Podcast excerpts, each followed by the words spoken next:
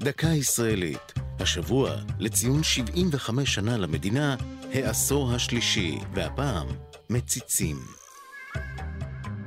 ישנה ברוח של הבוקר הרגשה של חוסר משקל. כך, במילות השיר שכתב שלום חנוך, ובמראות רחובות תל אביב המוזנחים, נפתח הסרט מציצים. ב-1972 ירדו ישראלים רבים אל החוף עם אלי, כוכב הרוק המתוסכל שגילם אריק איינשטיין, ועם גוטה, המציל הבודד שגילם אורי זוהר, הציצו לתוך סוכת המציל עם אלטמן הקטן שגילם צבי שיסל, וחזרו בעל פה על הטקסט. בשישי לשישי שבעים ושתיים נראה הנאשם מר אלטמן שהוא מציץ לתוך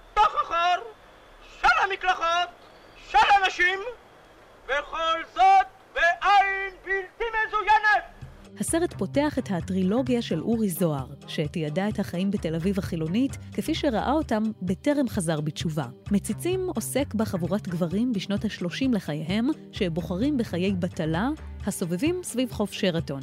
כשיצא הסרט, הוא ספג ביקורות רבות. רק כעבור עשור הפך לאחד מסרטי הפולחן הראשונים של הקולנוע הישראלי. הקהל התאהב בבוטות הקלילה של הגיבורים, אבל לפעמים החמיץ את המצוקה העזה שחשפו הדמויות שבנו זוהר ואיינשטיין, המשתוקקים למלא את אורח החיים הריקני שלהם. זו הייתה דקה ישראלית על העשור השלישי למדינה ומציצים. כתבה מאיה רכלין, ייעוץ נחום אינגבר, הפיקה פרח בר גולדפרב.